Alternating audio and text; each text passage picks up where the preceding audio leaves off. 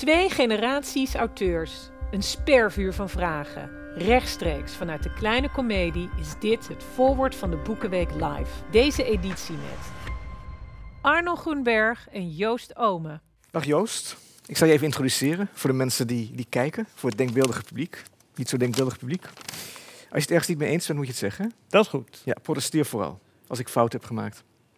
Joost Ome, geboren in 1990, dichter, schrijver, performer. Huisdichter, je bent huisdichter geweest van de Rijksuniversiteit in Groningen. Stadsdichter van de stad Groningen. De Volkskrant riep je uit in 2020 tot een van de drie grootste literaire talenten. En verleden jaar verscheen bij Querido jouw debuutroman Het Perenlied. Daarover schreef NRC Handelsblad. Het Perenlied is een waarschuwing om verder te kijken dan je neus lang is. Je niet in de luren te laten leggen. De Volkskrant noteerde... Oom is op zijn sterkst als hij het fruit gewoon even achterwege laat. En in een interview met de Goede Amsterdammer adviseerde jij iedereen stijloefeningen van Queneau te lezen. Om daaraan toe te voegen, en die zin intrigeerde mij. Het is best wel een gedoe, niet dat die andere zinnen me niet intrigeerden. Het is best wel een gedoe om creatief te zijn. Als je creatief wilt zijn als beeldhouwer, moet je een blok marmer hebben en een schilder heeft allemaal olieverf nodig. Maar het enige wat de schrijver nodig heeft, is een potloodje en een stukje papier. En je moet weten hoe je dat moet doen. Als je dat eenmaal weet, weet je wat je allemaal kunt maken met taal. Dat is leuk. Zo heeft iedereen toegang tot spelen. Je bent het mee eens? Tot, tot nu toe wel, alleen werd ik in 2021 zelfs helemaal literair talent van de Volkskrant. Kijk, dat, vind ik heel, is, dat, is, dat is een goede toevoeging. Ja. En is er nog iets anders wat je zou willen toevoegen aan deze... Uh, nee. Ik wist helemaal niet dat Volkskrant heeft dus eigenlijk ook een soort, soort ja, en dan... met uh, wedstrijdje. Oké. Dan, uh, dan, dan kan je dat worden. Ja. Dus je was in 2020 op de, op de, de shortlist Ja, en was- 21 ben je het talent Ja. geworden. Ja, dat Ja. was heel vriendelijk van ze. En daarna kreeg je de opdracht om het wat minder over fruit te hebben van die krant. Ja, die mevrouw was heel streng. Ja. Maar dit, Over ja, fruit heb ik ook nog wel wat vragen, maar dat komt, dat eh, is goed. straks. Dat is Ja. goed. Zal ik jou eerst ook nog even introduceren? tuurlijk, Dat, ja. dat is wel dat handig. Arno Grunberg is schrijver. Hij debuteerde in 1994 met de roman Blauwe Maandagen, won met dat boek de Anton Wachterprijs voor beste debuut en werd prompt vertaald in het Engels, Duits, Deens, Italiaans, Frans, Spaans, Tsjechisch, Zweeds en Japans. Ik werd in datzelfde jaar vier. Na Blauwe Maandagen volgt een stormachtige en zegenrijke carrière met als greep uit de hoogtepunten de Libris Literatuurprijs voor Teersa, zijn door het hele land gelezen voetnoten op de voorkant van de Volkskrant, het schrijven van het groot dicté de Nederlandse taal met als overkoepelend thema Sigmund Freud en de 24 uur durende leesclub rondom zijn werk, waar Gru- Grunberg gekrapt werd door een lezeres. Naast dat Arno Grunberg een veelzijdig kunstenaar is, wordt hij binnenkort ook vader. Gefeliciteerd! Dankjewel. Ja. ja, ik heb eigenlijk een peterkind van wie ik al vader ben, zeg ik Oh, dan. pardon. Maar dat maakt helemaal niet uit. Nee, dat weten. Nee, maar dat klopt. Ik word nu op een misschien andere manier vader. Ja. Maar voor we die kaartjes pakken, want voor mij liggen die daar toch een beetje als een soort noodgreep.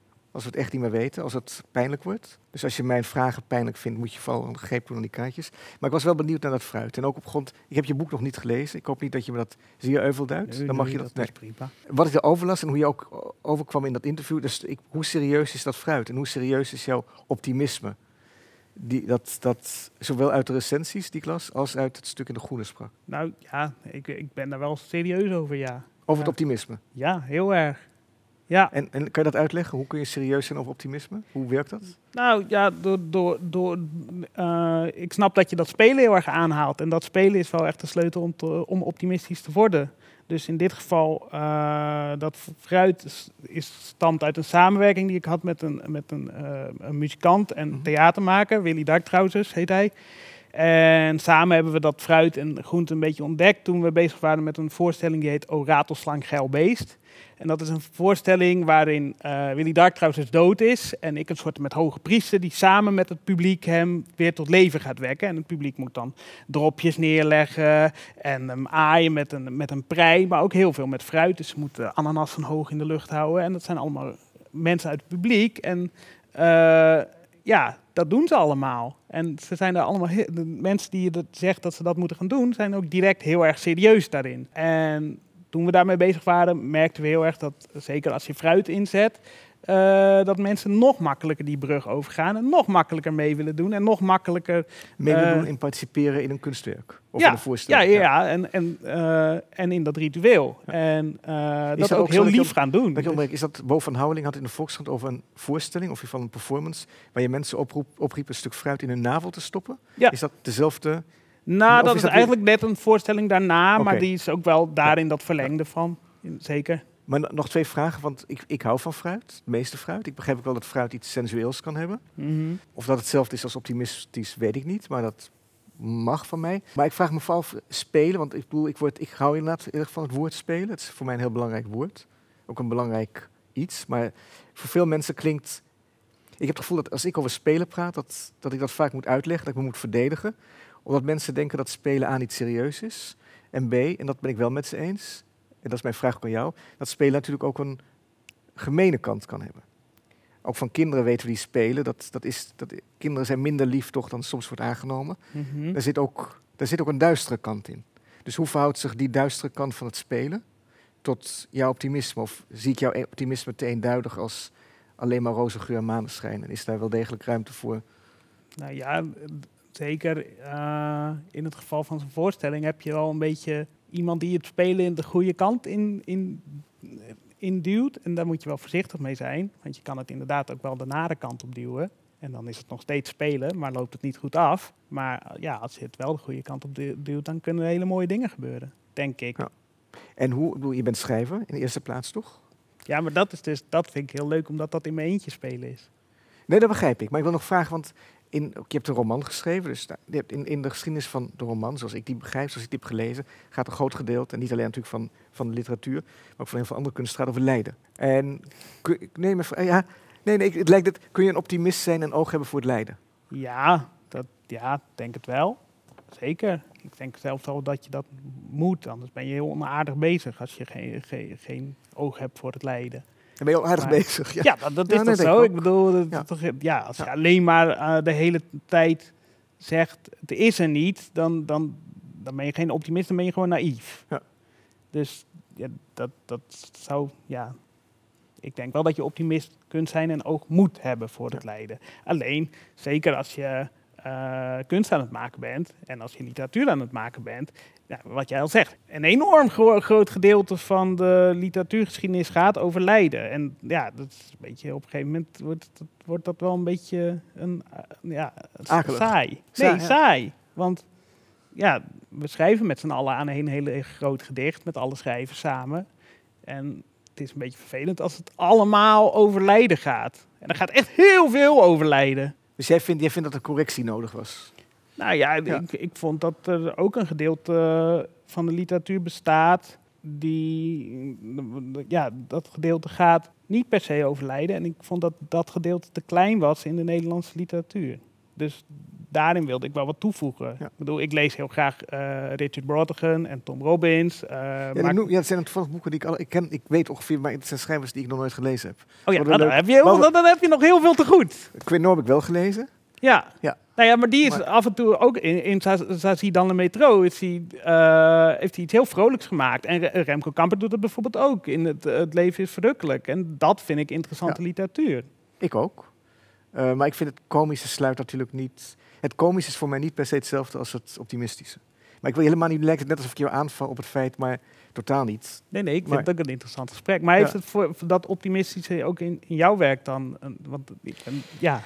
Hoe zit dat Nou, bij jou? Hoe zit dat? Nee, ja, ik, ik, ik had een gesprek een paar dagen geleden met iemand die zei van ja, mijn vrouw, dat zijn toch vaak mannen die dan zeggen dat hun vrouw romans leest en zij houdt zich bij de non-fictie of ze lezen niet, wat ik helemaal niet erg vind. Ik vrees toch dat we voor gedeelte voor steeds groter gedeelte voor vrouwen schrijven als schrijver, maar dat is prima.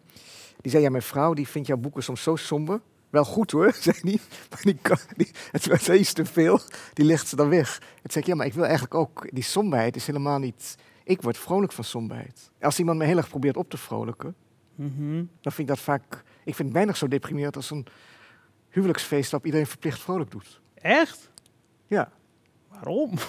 Ik vind verplichte vrolijkheid vind ik heel somber. Daar word ik echt somber van. Dus ook, ik bedoel, ik vind Maar ook... kan je daar dan niet aan, ja, Nee, ik, aan, aan, maar misschien is dat overgeven? Ja, dat klinkt zo suf, maar zo Nee, dat vind ik heel klein moeilijk. Nee, dat, misschien is het toch een soort opstandigheid die in mij zit. Ik vind ook verplichte rouw bij huwelen, bij, bij bruiloften, bij, sorry, interessante Freudiaanse verspreking, bij eh, begrafenissen, vind ik, vind ik eh, ook soms heel lastig. Ja, Dus alles wat komt, ik, je, je, hebt, je voelt niet altijd de emotie die je moet, die je moet voelen. maar dat snap ik wel, maar ja, heel, ja, Ik bedoel, ik ga niet uitgebreid huilen als ik op iemand anders huwelijk ben uitgenodigd, maar je ziet eigenlijk ook, ik vind dat je gewoon eens opeens zoveel ellende ziet. Als je mensen heel erg uitgedost ziet in hun beste kleren, denk je, jezus, dat hebben ze ontzettend. Je ziet, ze hebben er, sommige mensen hebben uren voor de spiegel gestaan. En dan denk je, dit is het resultaat. Terwijl is iemand die net... Maar dat is, toch, dat is toch extreem, extreem lief ook? Word je daar dan niet vrolijk van? Want ik bedoel, nu, als zo'n zo'n huwelijksfeest bijvoorbeeld, dat zit in, in, in, in, eh, in, in, in eh, eh, Emma Bovary. Eh, we- daar, daar zit zo'n huwelijksfeest in. En dat vind ik de, de mooiste scène van het boek, want er wordt heel uitgebreid en heel vrolijk verteld over zo'n taart en over wat die mensen allemaal aan hebben en weet ik veel wat. En Ja. daar krijg ik een heel gelukkig gevoel van. En als ik dan in het echt bij zo'n huwelijksfeest ben, dan krijg ik dat gevoel ook. En als ik dan een beetje dat bokkige in me voel, dan denk ik van ja, Joost, zet die vervelende puber van zoveel jaar geleden nou even uit en doe gewoon, Nee, ik, ben, ik, probeer wel eens mee te doen. Ik kan, ik bedoel, ik kan, ik kan heel goed sociaal wenselijk gedrag vertonen. Hoor. Dus ik kan, ik kan heel goed. dat is het probleem helemaal niet. Maar als je eerlijk vraagt. Maar het is wel grappig dat je Madame Bovary noemt. Dat ook voor mij een belangrijk boek is. Wat ik een heel mooi boek vind. Ik kan die huwelijksscène haal ik e- mij even niet meer helemaal voor de geest. die zit maar helemaal in het begin. Dat- Het boek, ja, maar het boek gaat natuurlijk eigenlijk over, over iets verschrikkelijks. Over de ontaarding van Emma Bovary. En over haar verlangen. En over haar, haar zelfmoord door middel van rattengif. En haar schulden. Ik zie vooral die scène met dat koetsje heel erg voor. Wat heel veel mensen natuurlijk voor zich zien. Waarin ze met haar minnaar, Rodolphe, meen ik, door ehm, Rouen is het rijdt. Nee, ik begrijp dat je daar heel erg vrolijk van wordt. Maar het boek gaat toch uiteindelijk over het failliet van een huwelijk. En het verlangen dat zich richt op iets buiten ja, huwelijk. maar, hoe- ja, maar als dat- ik dat dan lees, dan denk ik, dat verhaal heb ik al best wel vaak gelezen. Terwijl ik nog nooit een roman heb gelezen met alleen maar een beschrijving van die, van die taart. Dus eigenlijk is het wel grappig. Ik had ooit, helaas leeft hij niet meer, mijn voormalige Duitse uitgever, die zei altijd, schrijf nou eens een roman over een gelukkige liefde die gelukkig eindigt en zich in de zomer afspeelt. Ja, dat en eigenlijk had een hij hele mooie... jou, dat Maar dat is toch moeten zeggen. Maar dat is toch ook prachtig. Ik snap wel dat voor iemand dat zegt, want dat is toch ook een interessant literair experiment. Kijken of dat kan. Ja, ik denk dat het heel moeilijk is om over geluk te schrijven. Ik weet ook niet of het helemaal mijn taak is. Ik ben, ik ben wel heel gefascineerd door het lijden. En ik zie een beetje anders dan jij. Want ik vind er zijn zoveel manieren om je daarmee bezig te houden. En ik weet ook niet helemaal of ik dacht, we schrijven met z'n allen een gedicht. Ja, Er zijn heel veel schrijvers. Ja, ik bedoel, ik heb. Er zijn toch aantal schrijvers met wie ik liever niet samen gedicht wil schrijven. Maar ik bedoel dat. Nee, nee, ja, dat zul jij toch ook wel hebben. ja nee, tuurlijk. Dat- ja. ja. Maar ik begrijp wel dat het is een traditie die je voortzet. En ik ben, ja, die traditie is wat mij betreft ook groter. Dan, die gaat niet alleen over levende schrijvers. Dat, dat ben ik helemaal met je eens.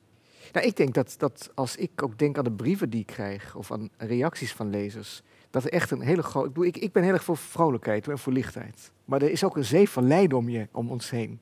En soms ook detecteer ik het in mezelf. Ik weet niet of dat ik nog aan jou vragen. Waar je eigenlijk heel moeilijk omheen kunt.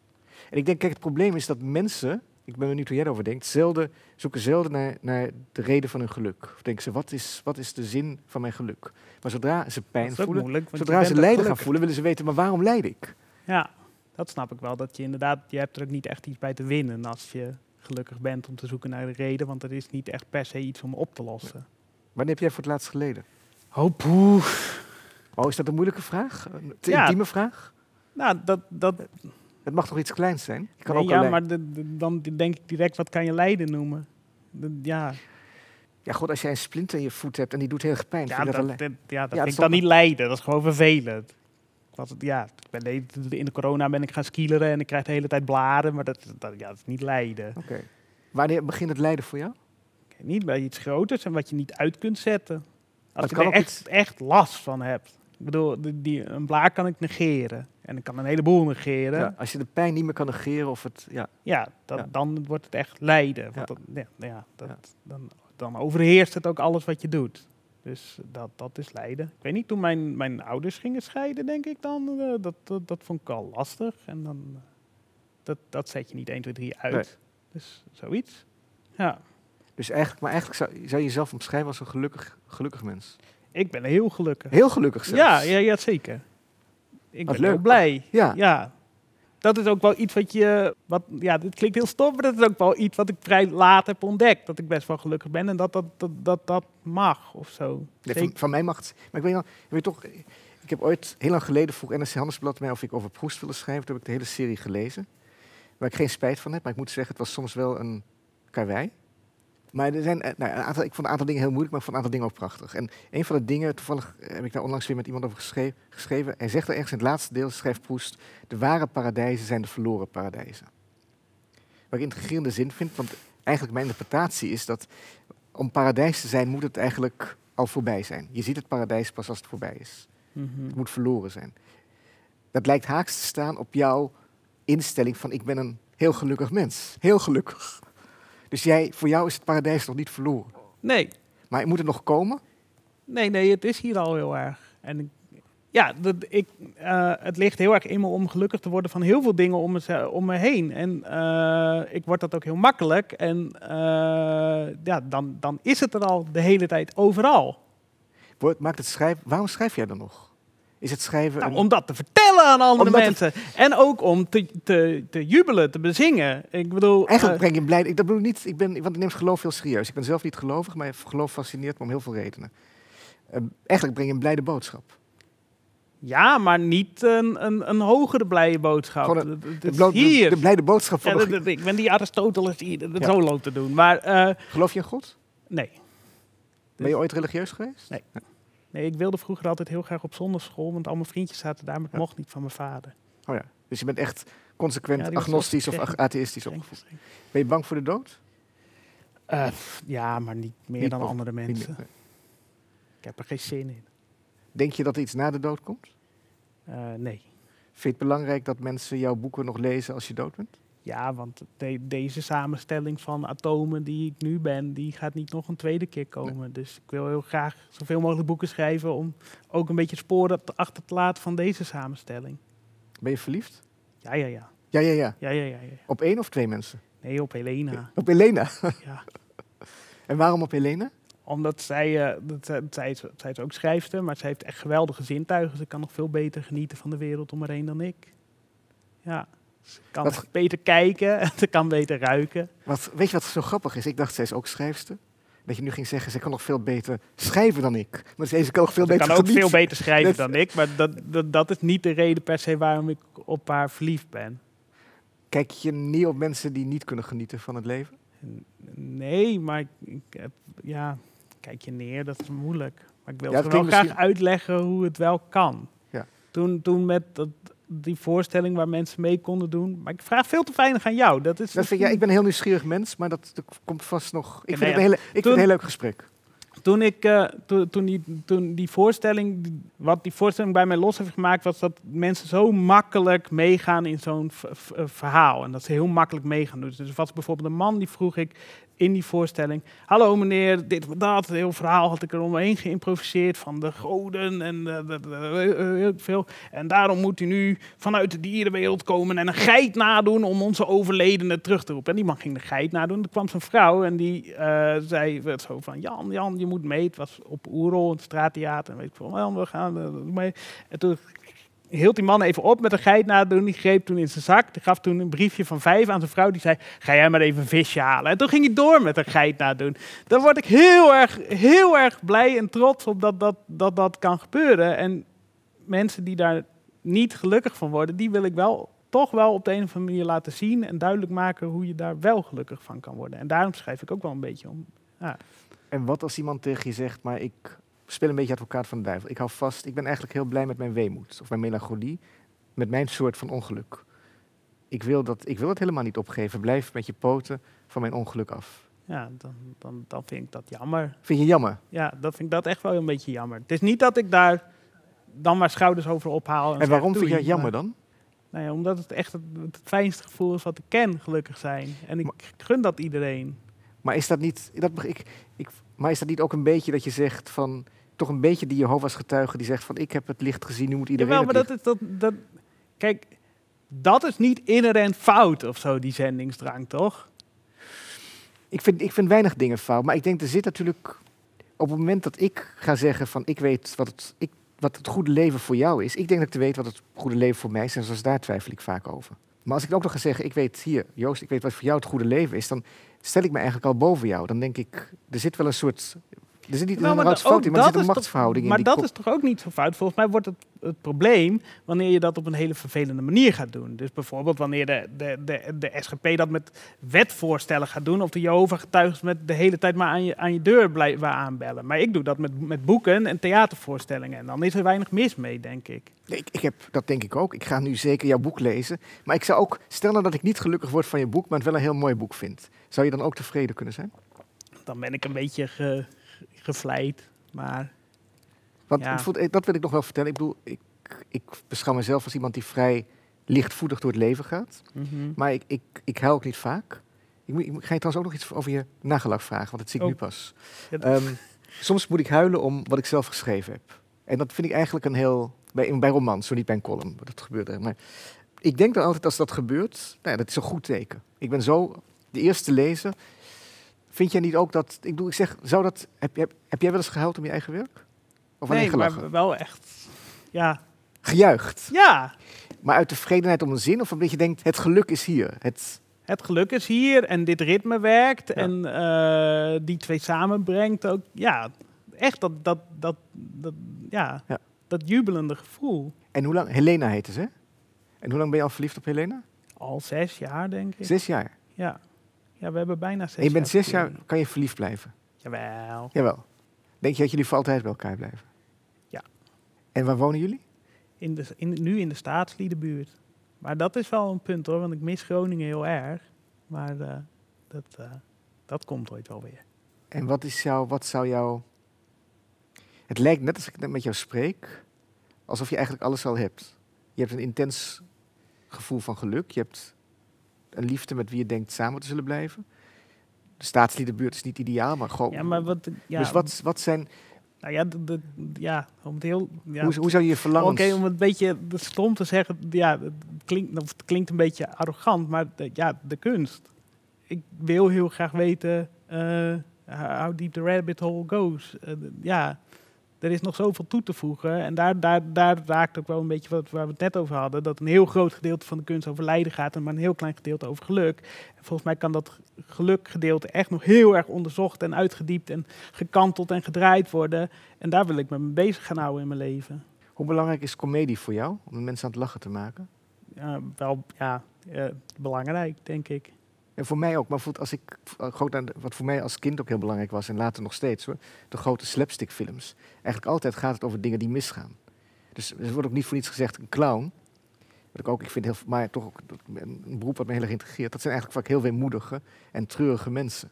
Dus er zit in die komedie, sorry dat ik zo op, dat, op die treurigheid blijf hangen, maar ik zit ook wel iets tragisch, toch? Het, die sluit elkaar niet uit. Dus hoe zie jij, hoe, hoe kun je de mensen aan het lachen maken? Ja, van het beroemde voorbeeld, Laurel Hardy, slapstick, iemand struikelt over een bananenschil. Dat is eigenlijk op het moment dat jij dat bent, voel je toch een dat beetje... helemaal niet leuk. Nee, Nee. hoe zie jij dat? Nou ja, eh, voor andere mensen is het wel leuk. Ik bedoel, het is vervelend voor diegene die over die bananenschil struikelt. Het is vervelend voor Buster Keaton, maar het is voor heel fijn voor al die Ja. andere mensen. Ja, En als jou iets overkomt wat vervelend voor jou is, maar fijn voor andere mensen, kan je dan uit jezelf, kan je dan boven jezelf hangen of genoeg afstand van jezelf nemen om toch te denken, nou, het was fijn voor andere mensen? ja, ja dat, dat, dat, ik, dat, dat, boek schrijven was ook niet altijd even makkelijk. ik had het heel koud vaak. Ik, ik ging het, ja. eh, waarom, waarom had je het koud? Nou ja, ik ging in een residentie in, in, in Sluis, in het huis van Tini. En in, Tini had eh, het huis beschikbaar gesteld voor jonge schrijvers. Ze was zelf in Thailand aan het Wie resideren. is Tini? Tini is geweldig. Nee, ja, je hebt in Sluis, daar heb je een residentie. Dat is echt geweldig. Dat, want eh, Sluis is Zeeuws-Vlaanderen, toch? Ja. Of niet? Ja. en Van Dalen van de woordenboeken komt daar Ja? vandaan. En daarom hebben ze bedacht dat ze iets voor jonge schrijvers willen doen. En dan doen ze dat met het, eh, met het hele dorp. En dan als iemand op vakantie gaat voor langere tijd, dan moet diegene zijn huis beschikbaar stellen. En dan kan dan een jonge schrijver een maand zitten. Dus eh, heel veel jonge schrijvers hebben daar gezeten. Dat is heel, heel, heel, heel vriendelijk. Maar ook wel oudere schrijvers. Menno Wigman heeft er gezeten. En Jean-Pierre Vie. En, eh, dus ja, en daar zat ik ook een maand. En daar is dan helemaal niemand. En ik miste iedereen heel erg. En, En het was eh, koud bij Tini. en het was heel koud bij Tini. Ook omdat, ja, het, ja, dat was echt, Tini was echt al een oudere vrouw. Dus het was heel een oude vrouwenhuisje. En, en, ja, dat je zat was- ik weer te maar schrijven. je bent niet boos geworden op Tini. Lieve Tini. nee, nee, nee, nee, Tini was geweldig. Dat Ondanks die kou. Ja, ondanks de kou. En het was ook zelfs eh, gek bij Tini thuis. Want ze, ze was ook, eh, eh, ze, ze schi- schilderde grote portretten van haar, denk haar overleden man. En die keken me van alle kanten aan terwijl ik dat boek aan het schrijven was. Maar goed, ja, dat was niet leuk om te doen. Maar het was wel ook, ja, die, Noodzakelijk. ja. Ik wilde weten hoe... hoe En kwam Helena wel eens langs? Nee, tijdens voor mij heeft één keer is langsgekomen. Want het mo- mocht niet van mij. Want anders ging ik het niet Ging afmaken. Ja. Ja. We moeten bijna afronden. Ik wil nog even, omdat je net Jean-Pierre Ravi en Menno Wichman noemen. Dichters die ik allebei, ja, maar ook hele weemoedige dichters. Kan je, kan je tot hun werk verhouden of is, is je dat te weemoedig? Of Ah. reduceer ik je nu een beetje, maak je nu iets eendimensionaals van je door je... Nee, ja, ik weet het niet. Het zijn heel gewaardeerde collega's. En ik, Ja, maar gewaardeerd door jou, ja. Dat, Ja, nee, ja, maar ik vind hele fijn, en ik vind hun werk heel, eh, zeker wel heel erg mooi. En ook heel, erg- heel erg belangrijk. Ja. Maar ik moet wel eerlijk zeggen dat om dat echt dat gelukgevoel te krijgen waar ik zo in ben geïnteresseerd, dat ik eerder naar andere dichters kijk. Welke? Loetje Bert word ik heel erg gelukkig van, ook Ja. vooral om het ritme. Eh Remco Kampert word ik zeker ook gelukkig van. Maar. Kampert is eigenlijk ook een heel weemoedig persoon en een weemoedige schrijver. Ja, maar hij is wel heel erg geïnteresseerd in hele kleine mooie beelden en te laten zien, kijk, daar Ja. zit wat in. Hij is ook niet bang om schattig te zijn, wat ik ook heel erg waardeer in, in schrijven, want er zijn bijna geen grote boeken die schattig zijn. Wat is voor jou de definitie van, we moeten ophouden, want het licht gaat ook Ja, aan de jammer, Wat is de definitie van schattigheid voor jou? Ja, Wanneer is iets schattig? Vind je jezelf schattig? niet per se, maar ik vind het ook niet erg wanneer het gebeurt. Bijna, bijna, het heeft ook iets sufs of zo. Als je suf durft te zijn, dan... Ja. Als je flauwe grap durft te maken. Als je kwetsbaar durft te zijn. Ja, het heeft iets met kwetsbaarheid te maken. En ook wanneer je, nou ja, wanneer je geen grote, eh, eh, bijna, ja, anti-macho. Anti-macho. Is dat de weg naar het geluk? Ja, dat denk ik wel. En voor de vrouw? Of zijn er ook macho vrouwen? Ja, tuurlijk. Dus je moet eigenlijk je wil... Hou je van niets? Ik weet te weinig van niets. Oké. Je moet je wil, je moet je wil tot macht opzij zetten. Ja, En wat als dat is iemand- moeilijk. Ja, heel moeilijk. Nee, ik, ik vind het nog zo leuk. Mag ik nog, nog twee... Dan houden we echt op hoor. Ja. Maar die, die nagels. Ja. Wat is dat? Ja. Oh ja, dat heeft Helena gedaan. Helena zei, wat ik wilde namelijk in mijn slobberkleren eigenlijk hier naartoe. Maar Helena zei dat ik er wel wat van moest maken. Dus toen heb ik ook mijn... mijn Je hebt een heel mooi pak aan. Ja, dat vond ik ook. Ja, En- ja. ja maar- ik had deze gekocht voor de, voor de boekenbal de vorige keer. Alleen eh, bij een tweedehandswinkel. Eh, maar eh, toen had ik niet door dat de, de gulp stuk was. Dus Oh ik ja. heb het hele boekenbal vorige Ja. keer met een open gulp rondgelopen. Ja. Dat was wel een beetje vreemd. Maar goed. Heb je een fotootje van Helena bij je? In je telefoon? ja, ook wel in mijn telefoon. Maar die ligt daar. Oké, maar misschien ook- ook... wel in mijn... Portemonnee? Ja, denk het wel. Maar ja, zeker. Maar hier heeft ze nog lang haar. Nu heeft ze kort haar. Mooie vrouw. Lieve ogen. Zeker. Hier is nog een foto van haar, een Polaroid, maar die is een beetje overbelicht. Helena. En hier is een foto van mijn oma. Oh, wat leuk. Eh. Leeft je oma nog? Nee, die is overleden. En hier is een foto je- van mijn broer en zus. Daar ben ik zo trots op. Mijn zusje woont ook in Amerika. Waar woont ze in Amerika? Ze woont eh, eh, zo in in Worcester, vlakbij Boston. Ja. Daar is een gro- grote medische universiteit en ze doet daar aan DNA-strijken. Dus is eh En daar ben jij ook echt trots op. Ja, ja, ja, zeker. En mijn broer werkt nu bij het Trimbos Instituut. Dus die is ook wetenschapper. Die zijn allebei beta's. Ik vond het een heel leuk gesprek. Ik ook. Ja. Ik vond het Ik heel spannend van tevoren, maar dat ging eigenlijk best soepel. Nee, ja. En ik, ik ben ook het enige, ik ben heel benieuwd of jij dit altijd zo volhoudt. Dat is mijn- mijn sceptische kant. En misschien ben ik namelijk wat ongelukkiger dan jij. Ik denk altijd, er moet iets, er valt iets door. Maar ik, ik ben, daar ben ik gewoon benieuwd naar. Maar misschien ben je echt altijd zo gelukkig. Zijn, je, zijn, ja, ik, ja, zijn je broer en zus, daar ik echt op. Want ik, ik het lijkt alsof ik over tijd, maar zijn je broer en zus net zo gelukkig als jij? Mijn broer is nog veel gelukkiger dan ik. Ja, echt. Die is er ook echt beter in. En mijn zusje ook wel, maar die, die woont nu al zo lang in Amerika. Dus dat, Daar word je vanzelf wel gelukkig. dat weet ik niet. Dat, Oké, ik geef je een... Dankjewel. ik vond je. ook heel leuk.